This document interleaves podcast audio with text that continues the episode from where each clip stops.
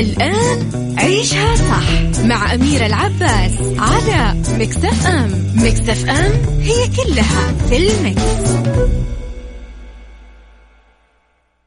عيشها صح مع أميرة العباس على Mix FM Mix FM هي كلها في ال mix.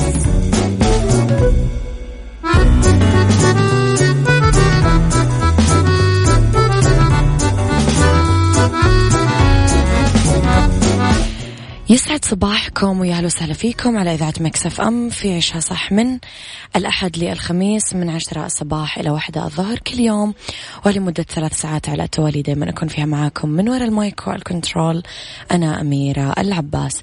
تحياتي لكم وين ما كنتم من وين ما كنتم تسمعوني. ساعتنا الأولى نتكلم فيها على أخبار طريفة وغريبة من حول العالم جديد الفن والفنانين وآخر القرارات اللي صدرت. ساعتنا الثانية قضية رأي عام و ضيوف مختصين وساعتنا الثالثة صحة وجمال وديكور ومطبخ. تقدرون تسمعونا على تردداتنا بكل مناطق المملكة وتقدرون تسمعونا على تطبيق Mix FM Android و iOS وتقدرون تسمعونا على طبعا آه، آه، رابط البث المباشر. أما على رقم الواتساب تقدرون ترسلوا لي رسائلكم الحلوة. صفر خمسة أربعة ثمانية, ثمانية واحد, واحد سبعة صفر صفر. Mix FM معك وتسمعك وعلى at Mix FM Radio Twitter Snapchat Instagram و Facebook جديدنا وكواليسنا وتغطياتنا. خليكم على السماع. بعد شوي نبدأ حلقتنا.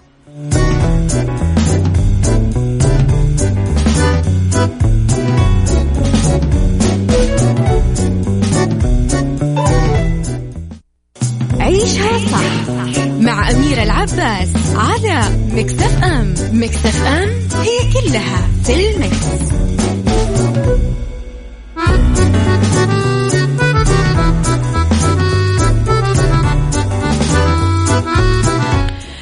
لخبرنا الأول الملك يفتتح أعمال السنة الأولى من الدورة الثامنة لمجلس الشورى الأربعاء يفتتح خادم الحرمين الشريفين الملك سلمان بن عبد العزيز آل سعود حفظه الله يوم الأربعاء 25 ربيع الأول 1442 أعمال. السنة الأولى من الدورة الثامنة لمجلس الشورى. راح يتشرف معالي رئيس مجلس الشورى وأعضاء المجلس اللي صدر الأمر الملكي الكريم بتعيينهم في المجلس بدورته الثامنة بأداء القسم أمام خادم الحرمين الشريفين.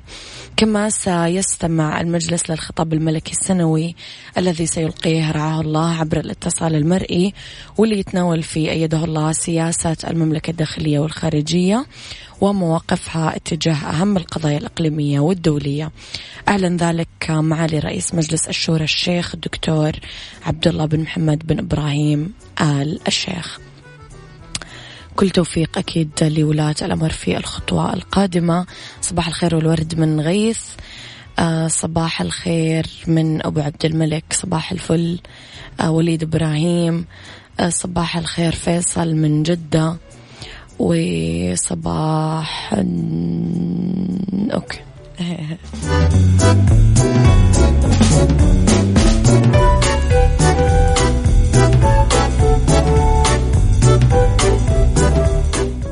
عيشها صح.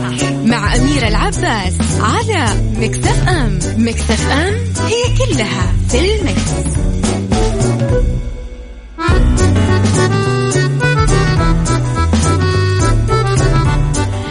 تحياتي لكم مرة جديدة وصباحكم خير مرة جديدة. آه لي خبرنا الثاني خالد عبد الرحمن يكشف سبب اختلاف الأغنية بين الماضي والحاضر.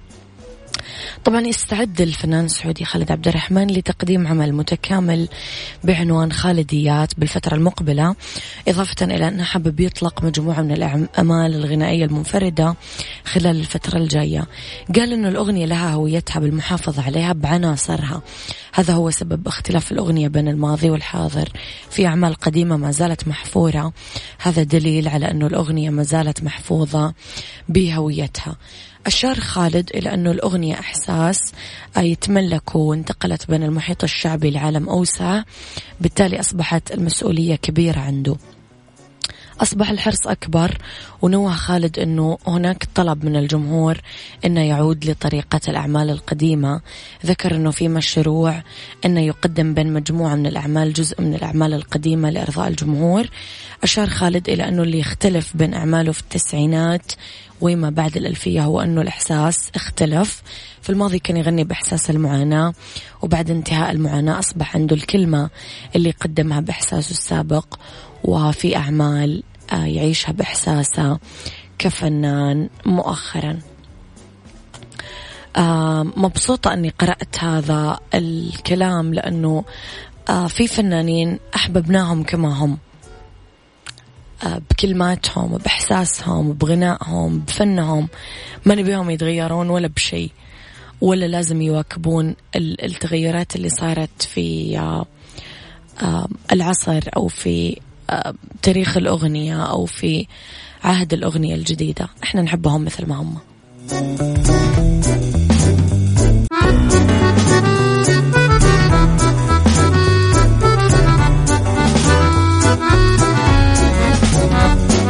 تعال وعيش حياتك عوض كل شي فاتك عيش أجمل حياة بأسلوب جديد. في دوامك أو في بيتك شي يفيدك وحياتك إيه راح تتغير أكيد. رشاق ويتوكيت أنا في كل بيت ما عيشها صح أكيد حتعيشها صح في السيارة أو في البيت. اضمعنا والتوفيق تبغى الشي المفيد ما عيشها صح. الآن عيشها صح مع أميرة العباس على مكتف أم مكتف أم هي كلها في المكس.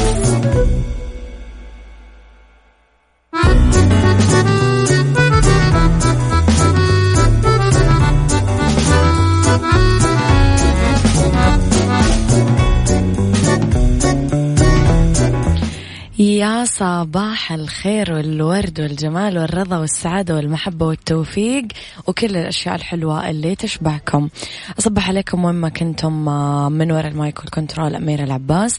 من وين ما كنتم تسمعوني من سياراتكم على تردداتنا بكل مناطق المملكة من مكاتبكم على رابط البث المباشر من آه، جوالاتكم على آه، تطبيق Mix FM على Android و iOS ساعتنا الثانية اختلاف الرأي فيها لا يفسد للود قضية. لولا اختلاف الأذواق حتما لبارة السلع توضع مواضيعنا يوميا على الطاولة.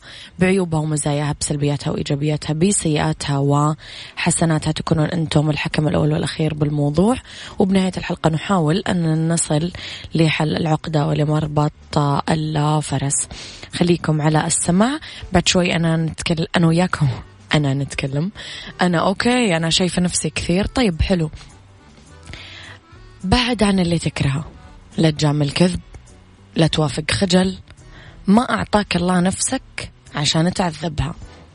كلنا نتفق مع الكلمات اللي نرددها بس أحيانا للأسف تخذلنا العاطفة ونكمل وما نوقف وفجأة بعد فترة نبتدي نضايق بشكل كبير نواجه صعوبة بتجاوز كثير من الأحزان وأنواع من الخسارة وغيرها وغيرها سؤالي هل سبق وعانيت بسبب مجاملتك على حساب نفسك وقيام الآخرين باستغلالك؟ جاوبني على صفر خمسة أربعة ثمانية, ثمانية واحد, واحد سبعة صفر صفر. خليني أقول لكم على طبعا راعي ساعتنا الجميل الرز الأمريكي من أفضل أنواع الرز بالعالم.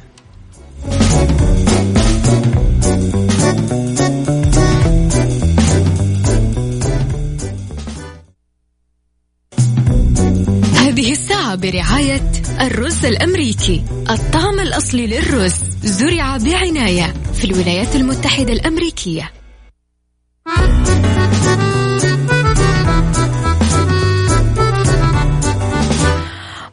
مرة جديدة تحياتنا لكم. مختبرات دار الطب يقدم لكم خصم 50% على فحص البروستات لنهاية شهر نوفمبر. آه خلينا نشوف رسائلكم الحلوة. السلام عليكم. سد صباحكم جميلة معكم عبد الرحمن من الدمام. إي عانيت كثير ودايما كنت أجامل على حساب نفسي على أساس أن ممكن يحس الشخص اللي بجامل عشانه لكن ما لقيت في فايدة ولقيت نفسي الوحيد اللي أتعب وأجامل وأضغط على نفسي عشان غيري يرضى. لكن تغيرت صرت أعطي نفسي أحقيتها واهتمامها والشيء اللي ما قدرت عليه أو ما أعرفه ما جامل على حساب نفسي وأقول على طول ما أقدر وأنهي الموضوع. حلو الكلام. السلام عليكم ورحمة الله وبركاته أميرة. الله يحفظك والله يسعدك والله يوفقك يا رب. لك مني كل الاحترام والتقدير. آه، محمد علي بن الطيب من تونس. الله عليك يا صديقي. تحياتنا لتونس الخضراء. آه النفوس أول تغيرت. والله كنا بخير ما نخاف من الأشخاص. الحين أقرب الأشخاص لنا صرنا نحذر منهم. مختصر الكلام راح أقوله لك. كلما كان العطاء كثيرا كان الخذلان أقوى إيلاما الله يعيذنا يا رب نستعيذ من الخذلان. الله يحمي قلوبنا منه هل سبق أن خسرت نفس أبو عبد الملك يقول المجاملة والإيثار والكرم وحب الخير للغير من سمات وطباع أهل المدينة المنورة منذ الأزل. إن شاء الله أنها سمات الجميع يا صديقي اللي نشأت وترعرعت فيها. في بداية الدراسة الجامعية 1997 تعلمت أني أقدم مصلحتي على مصلحة أيا كان.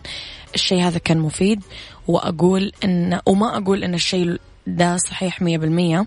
المجاملة مطلوبة لتحفظ علاقتي بالناس اللي حولي ولكن مو على حساب نفسي. في الأخير حياتي قراراتي واختياراتي. مم. إيش رأيكم في الموضوع؟ كنا طرحنا سؤال هل سبق وأنك عانيت بسبب مجاملتك على حساب نفسك وقيام الآخرين؟ باستغلالك رح نجاوب على هذا السؤال. نحاول دايما اكتبوا لي إجابتكم على صفر خمسة أربعة ثمانية واحد واحد سبعة صفر صفر. نحاول دايما أن نفعل اللي يتوقع مننا الناس. نحرص ما نأذي مشاعرهم. نجري ونساعد أصحابنا وقرايبنا كل ما احتاجونا. نتفادى مضايقتهم حتى لو عصبونا. آه نقول في موقف ما نعم وإحنا كان ينبغي لنا أن نقول لا أو نتظاهر بالهدوء لما نكون غاضبين أو نلجأ للكذب أحيانا عشان ما نأذي مشاعر غيرنا. نتحمل أعباء فوق طاقتنا عشان ما نحرج شخص عزيز علينا. في سبيل الحفاظ على التعامل مع الآخرين بلطافة نرتكب كثير أخطاء قد تؤثر بطريقة سلبية على نفسنا أو عملنا أو علاقاتنا الاجتماعية. الأشخاص اللطفاء اللي يجملون الناس على حساب نفسهم وراحتهم غالبا يعملون الأشياء اللي يتوقعها الآخرين منهم. يحاولون يرضون متطلباتهم بدون ما يأذون مشاعرهم بدون ما يفقدون أعصابهم ولما يهاجمهم الآخرين بغير تعقل يحافظون على لطفهم للأسف وهدوءهم. غير أنه هذول الأشخاص اللطفاء كل ما أمعنوا في التصرف بهالنوايا الحسنة ومساعدة الآخرين وتحدثوا وتصرفوا بكل هذا المستوى الرائع من اللباقة ينتابهم بعد هذا كله شعور بالإرهاق الإحباط عدم الثقة بالنفس وعدم الثقة حتى بالآخرين. من وجهة نظركم قبل ما نبدأ بالنصايح إيش الطريقة الأنسب للتخلص من صفة اللطف الزايد بغير مكانة ومع غير أهله. قولوا لي رأيكم على صفر خمسة أربعة ثمانية, ثمانية واحد, واحد سبعة صفر صفر.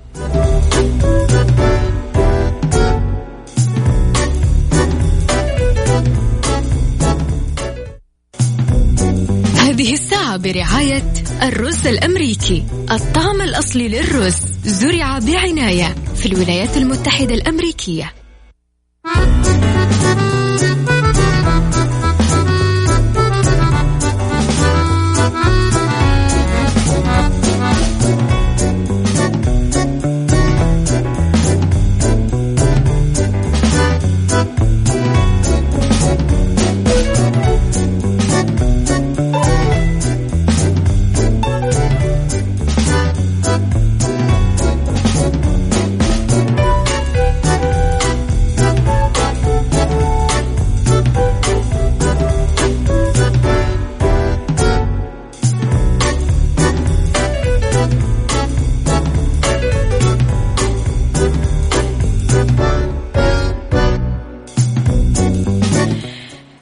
تحياتي لكم مرة جديدة نقرأ رسالة لطيفة اللطيفة. اسم على مسمى.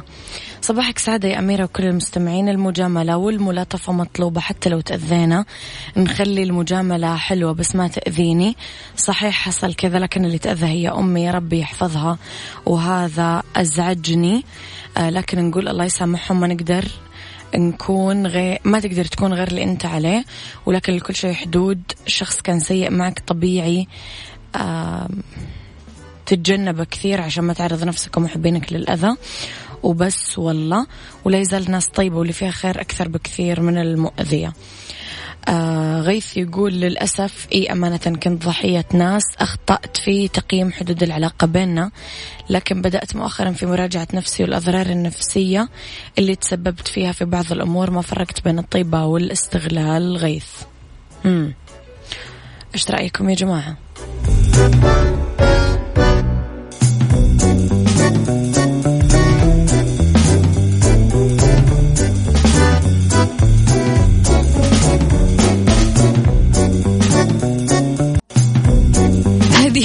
برعاية الرز الأمريكي. الطعم الأصلي للرز زرع بعناية في الولايات المتحدة الأمريكية.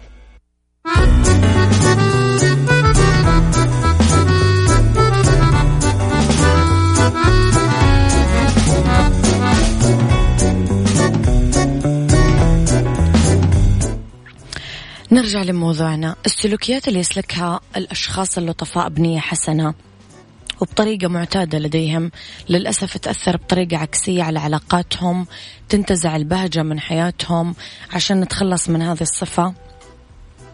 لازم ما نلزم أنفسنا باللي يتوقعوا الآخرين مننا آه بالذات لو ما كنا مقتنعين فيه.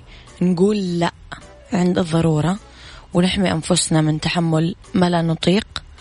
آه نعير آه مقدار غضبنا ونعبر عنه بطريقة تعالج الموقف وتصون علاقاتنا.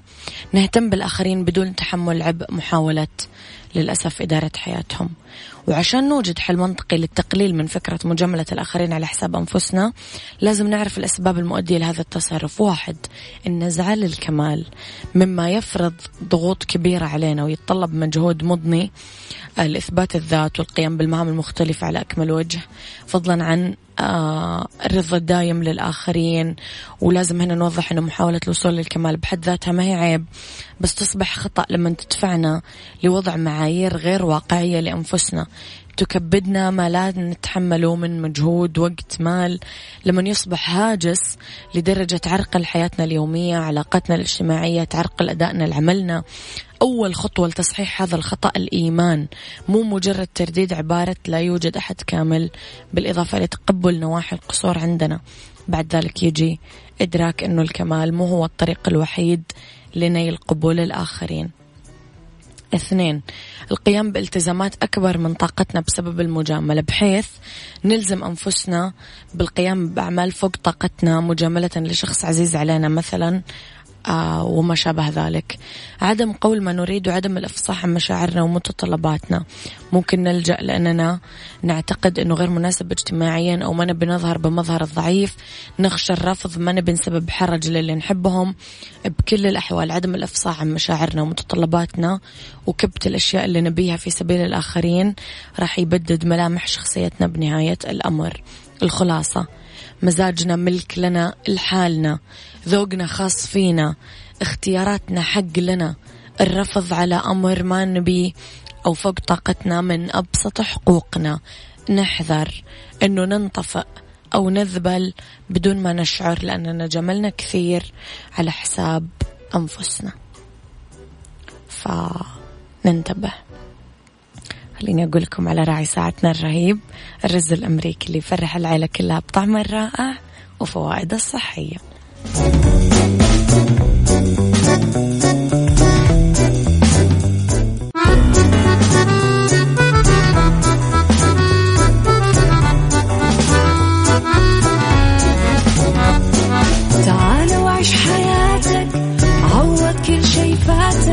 عيش أجمل حياة بأسلوب جديد.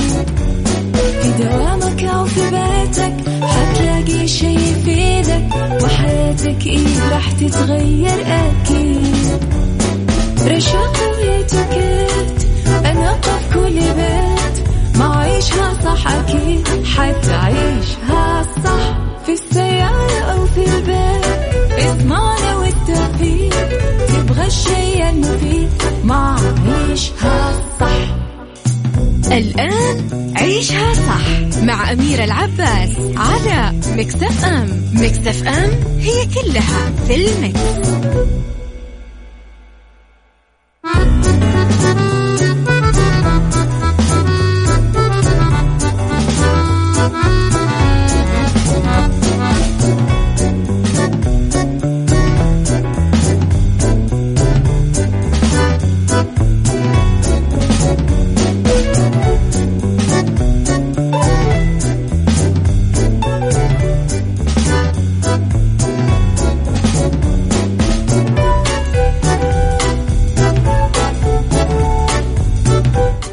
صباح الخير ومساء الخير والجمال والرضا والسعادة. أولى ساعات المساء آخر ساعات برنامج عيشها صح أرحب فيكم مجددا من وراء ال mic وال control أميرة العباس إيش عندنا بهذه الساعة؟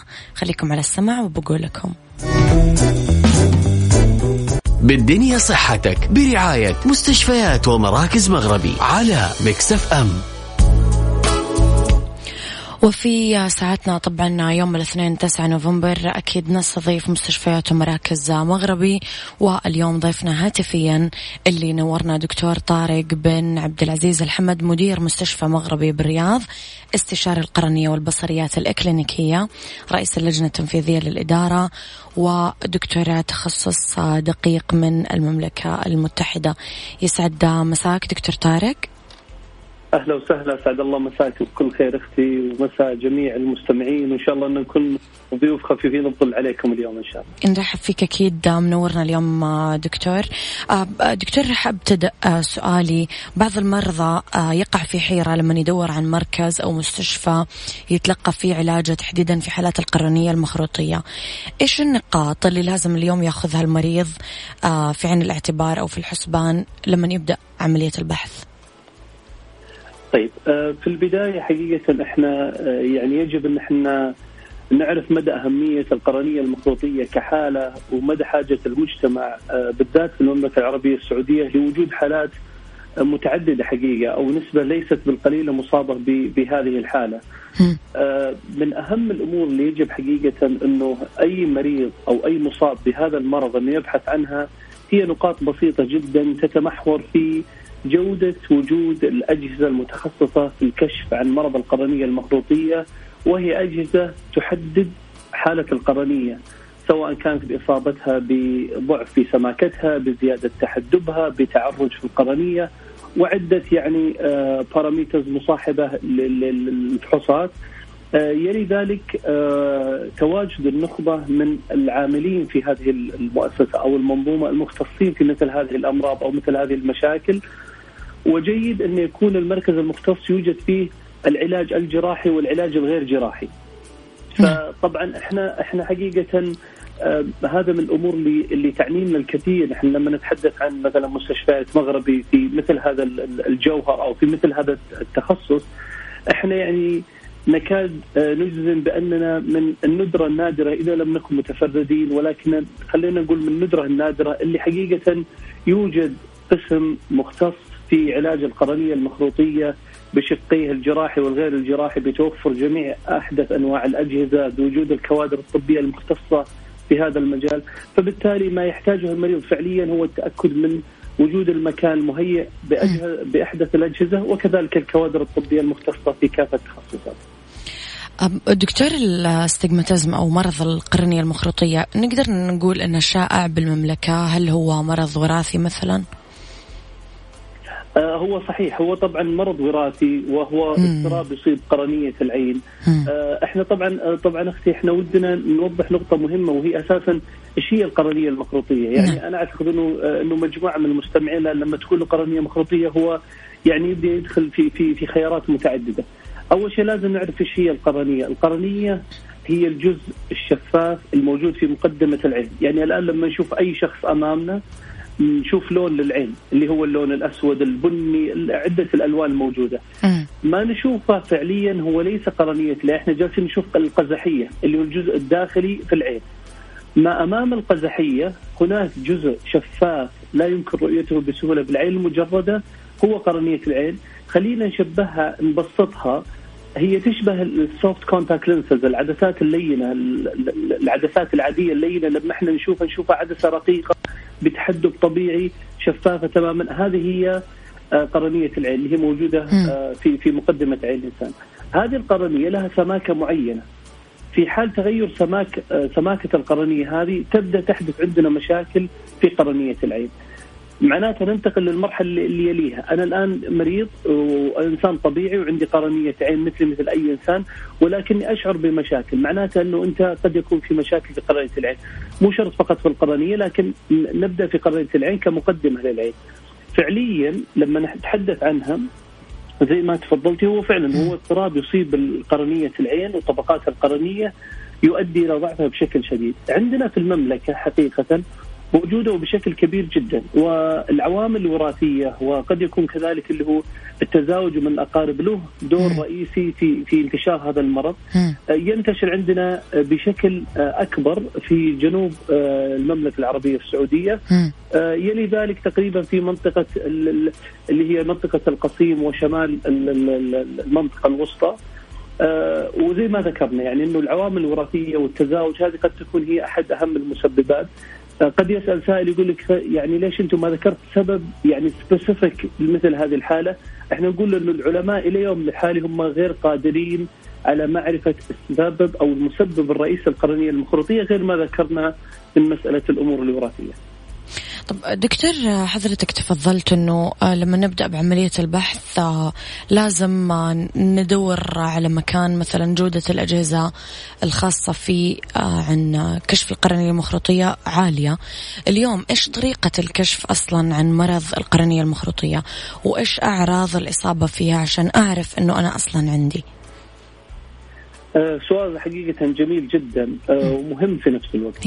آه، إحنا طبعا لما نتحدث طال عمرك على موضوع ال- ال- الفحص عن القرنية المخروطية يحتاج لها نوعين من الفحص. فحص كلينيكي يجرى عن طريق المختص أو الممارس الصحي سواء كان الاستشاري أو الأخصائي. وكذلك فحص يكون خلينا نقول تقني باستخدام بعض الأجهزة ال- ال- ال- يبدأ المريض بدخول العيادة يتم فحص النظر له اللي هو. حدة الإبصار له لما يكون حدة الإبصار عند الإنسان الطبيعي نازلة بد- بدرجة معينة فهذا يعطي مؤشر إنه الشخص عنده نقص نظر.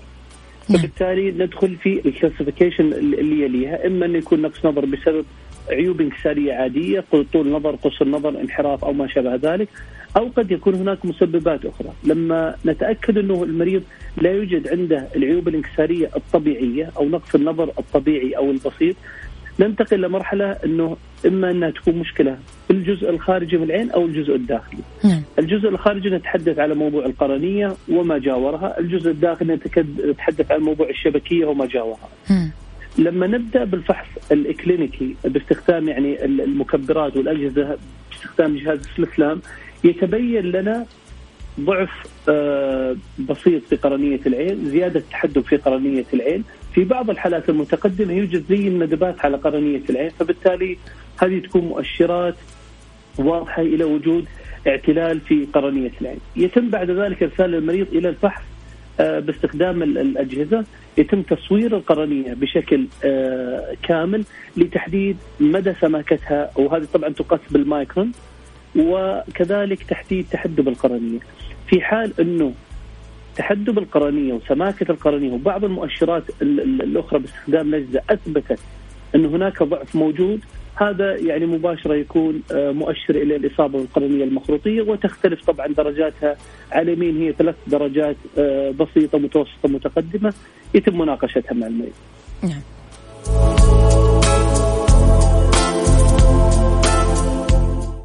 بالدنيا صحتك برعاية مستشفيات ومراكز مغربي على مكسف أم.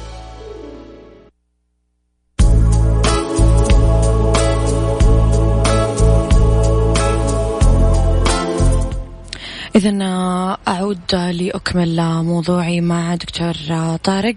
دكتور هل فرك العين اليوم يعتبر من أسباب آه، الإصابة بالقرنية المخروطية تحديدا نتكلم عن الأطفال؟ آه، طبعا هو حقيقة آه، فرك العين يعتبر من العادات السلبية والسيئة للعين بشكل عام سواء كانت للأطفال أو كبار السن سواء كانت للمصابين بالمرض أو غير المصابين فيه ولكن آه، يعني وجد من الأبحاث أنه فعلا الإفراط في فرك العين يسبب اعتلال في قرنية العين، اعتلال في في شكل قرنية العين. فبالتالي إذا كان الشخص يعني آه، مخلوق بقرنية ضعيفة وسماكتها ضعيفة وكان يفرط في الفرك العين آه، بما لا شك فيه بأن الحالة راح تتدهور وراح تزيد سوء بسبب الفرك المستمر للعين. آه، فبالتالي يعني بشكل عام إحنا دائما ننصح بعدم الفرق سواء كان للشخص المصاب أو غيره ولكن من هم مصابين أو كانوا من أسر يوجد فيها تاريخ مرضي بإصابة في القرنية المخروطية فبالتالي يمنع أكثر من عملية فرك العين. طيب دكتور دائما نقول إنه الطب في تطور لو نتكلم شوية عن التقنيات الحديثة اللي آه توصي فيها حضرتك لعلاج مريض آه القرنية المخروطية. طيب طبعا ال ال لو لو تتذكري في البداية ذكرنا إنه إحنا عندنا تقريبا ثلاث تصنيفات خاصة بالقرنية المخروطيه اللي هي البسيطة والمتوسطة والمتقدمة. نعم. التقنيات العلاجية طبعا ما في شك إن هي في تطور آه، مزدهر حقيقة. آه، نبسطها بشكل بسيط للمتلقي آه، الكريم إنه إحنا عندنا في بداية الحالات أو في بداية الإصابة دائما يكون عندنا استخدام النظارات الطبية حل جيد آه، لمرضى القرنية المخروطيه. نعم. ليش؟ لأنه في بداية الحالة أو في المرحلة الأولية منها يكون القرنية المخروطية عبارة عن زيادة في درجة الانحراف أو الاستجماتيزم آه، أو الانكسار. فبالتالي النظارة الطبية تقوم باللازم تعدل هذا الانكسار أو الانحراف أو الاستجماتيزم باستخدام السلندر يرجع النظر آه، يعني شبه طبيعي فبالتالي المريض ما يدخل في أي كومبليكيشنز أو معاناة.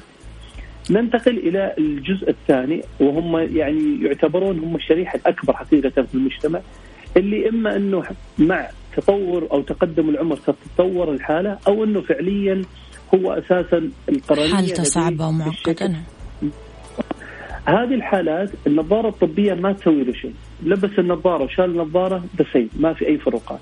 طيب هذه الحالة إيش نعمل فيها؟ نتجه لما يسمى بالعدسات العلاجية المختصة الصلبة أو ال hard special contact lenses.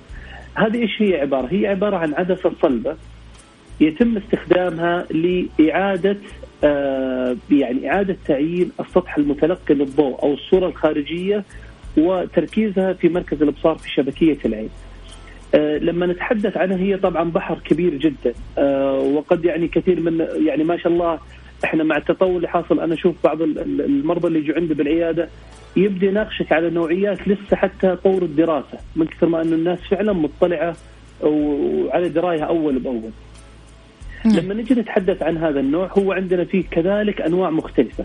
عندنا عدسة تكون صغيرة جدا وتكون صلبة آه، بحيث إنها فقط تكون متركزة على منتصف القرنية عندنا لا عدسه حديثه تكون آه، أكثر توسع وتغطي قرنية العين بشكل كامل. وعندنا حقيقة آه، نوعية برضو جديدة وهي حديثة وهي عدسة لينة لكنها مخصصة للقرنية المخروطية. وهذه طبعا من التقنيات الحديثة اللي يعني شفنا حقيقة رضا كبير جدا من المرضى باستخدامها لأنه أكثر ما كان يزعج المريض في استخدام العدسات العلاجية الصلبة آه، صلابة العدسة ويعني وعدم راحة المريض بوجودها داخل عينه، فبالتالي التطور آه، حقيقة موجود. ننتقل بعد ذلك إلى هي التدخلات الجراحية آه، ولعلها تتمركز عندنا في محورين، المحور الأول وهو استخدام الحلقات وهذه فكرتها زراعة حلقات في أطراف قرنية العين لمحاولة تقليل التحدب أو شدة التحدب القرنية. آه إذا ما نفع كل ما ذكر وتم محاوله إيجاد حلول بطرق بسيطة ولم يمكن حل المشكلة يتم اللجوء إلى زراعة القرنيه. طب دكتور نتكلم شوية على عمليات تصحيح النظر أو الليزك هل هي مناسبة لمرضى القرنية المخروطية؟ أم أنا أعرف بعض الكيسز آه، يرفض أنه ينعمل لهم الليزك بسبب القرنية المخروطية فلو تصحح لنا دكتور آه، المعلومة كلام طبعا صحيح 100% حقيقة الشخص المصاب بالقرنية المخروطية ويقر له عملية تصحيح نظر يعني هذا حقيقة يعتبر إجرام في حق المريض نعم ليش هذا الشيء؟ إحنا الآن لما يتم إجراء عمليات تصحيح النظر من قبل المختصين يتم إزالة خلايا من قرنية العين، فبالتالي تنتقل سماكتها من معدل إلى معدل أقل على ما هي عليه. فبالتالي إحنا ضعفنا قرنية العين. جميل؟ نعم. لما نأتي للمريض اللي هو مصاب بالقرنية المخروطيه اللي اوريدي هو مخلوق بسماكة قرنية ضعيفة ونعمل له عملية تصحيح نظر إحنا نروح نتجه إلى حقيقة يعني نفق مظلم مع المريض قد أنها تتدهور الحالة خلال أشهر أو سنوات قليلة ويضطر إلى زراعة القرنية آه لعل هذا آه يعني يقودنا إلى محور مهم آه يعني يجب أن إحنا حقيقة نوضحه البعض يقول لك طيب أنا أسمع أني أروح أبغى أجري عملية يقول لا بنسوي لك آه, آه، تصحيح آه، ضوئي للعين. فيعتقدون إنه هو نفس تصحيح الليزر أو الليزك وهذا مختلف تماما. ما يقصد في التصحيح أو أو في العلاج الضوئي أو ال cross-linking هو معالجة قرنية العين لجعلها أقوى لجعل آه، طبقات القرنية وخلايا القرنية تتماسك بشكل أشد. فبالتالي لما يأتي مريض يكون جودة النظر عنده جيدة والمرحلة عنده ما زالت في في بداياتها وهو مثلا في عمر العشرين يجرى له الكروس لينكينج أو التثبيت الضوئي لكي نتمكن من يعني المساعدة على توقف تقدم القرنية بحيث المريض يبقى على نظره الحالي يستخدم نظارة تفيد أو عدسات أموره تكون جيدة. فهذا فرق بين تصحيح النظر باستخدام الأشعة الضوئية أو أشعة الأشعة اليو في إي أو اللي هو الليزر أو الليزك أو عملية تصحيح النظر. طب دكتور سؤالي الأخير وأعتذر أن أطلت عليك. كيف يتم التفريق ما بين آه، مريض آه، ضعف النظر العادي ومريض القرنية المخروطية خاصة أنه معظم المرضى حالاتهم تكتشف دكتور بشكل متأخر أكيد تمر عليكم؟ طبعا آه، حقيقة يعني ختمتي بسؤال أعتقد أنه سؤال جوهري جدا و يعني أتمنى أن يكون هو ختام الحلقة. أو الاستضافة هذه بهذا السؤال المهم. نعم. التفريق في مرض ضعف النظر العادي أو مرض القرنية المخروطية سبب المشاكل اللي تتر يعني تترتب على هذا السؤال هو قلة الفحص أو عدم الإلمام بأهمية الفحص الدوري للعين. م. معنى ذلك إنه إحنا لما يأتي عندك المريض ويبدأ يشعر بضعف نظر بسيط، البعض منهم يتساهل فيه ويقول خلاص هو نقص نظر بسيط وأنا ما أحب النظارات وشكله مو بزين والأمور تبي تمشي.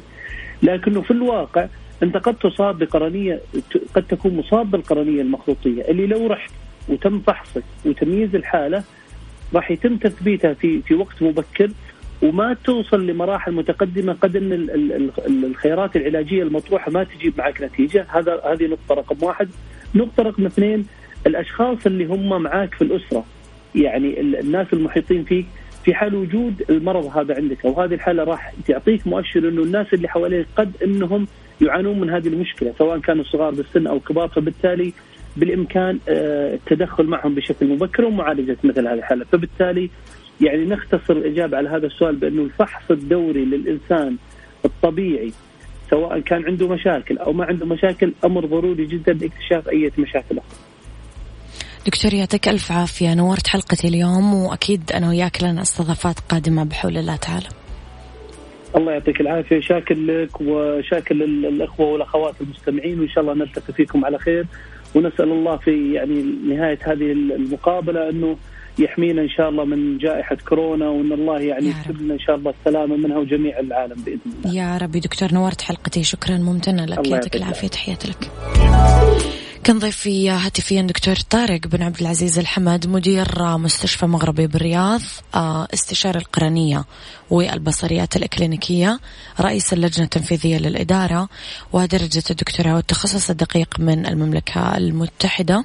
اللي فات الحلقة طبعا ما فاتك شيء تقدر ترجع تسمع حلقتنا على تطبيق Mix FM على Android وعلى iOS وتقدر أكيد تستفيد أكثر آه، من إنستغرامنا. راح تلاقي في حسابات الدكتور آه، ومعلومات مفصلة أكثر عنه.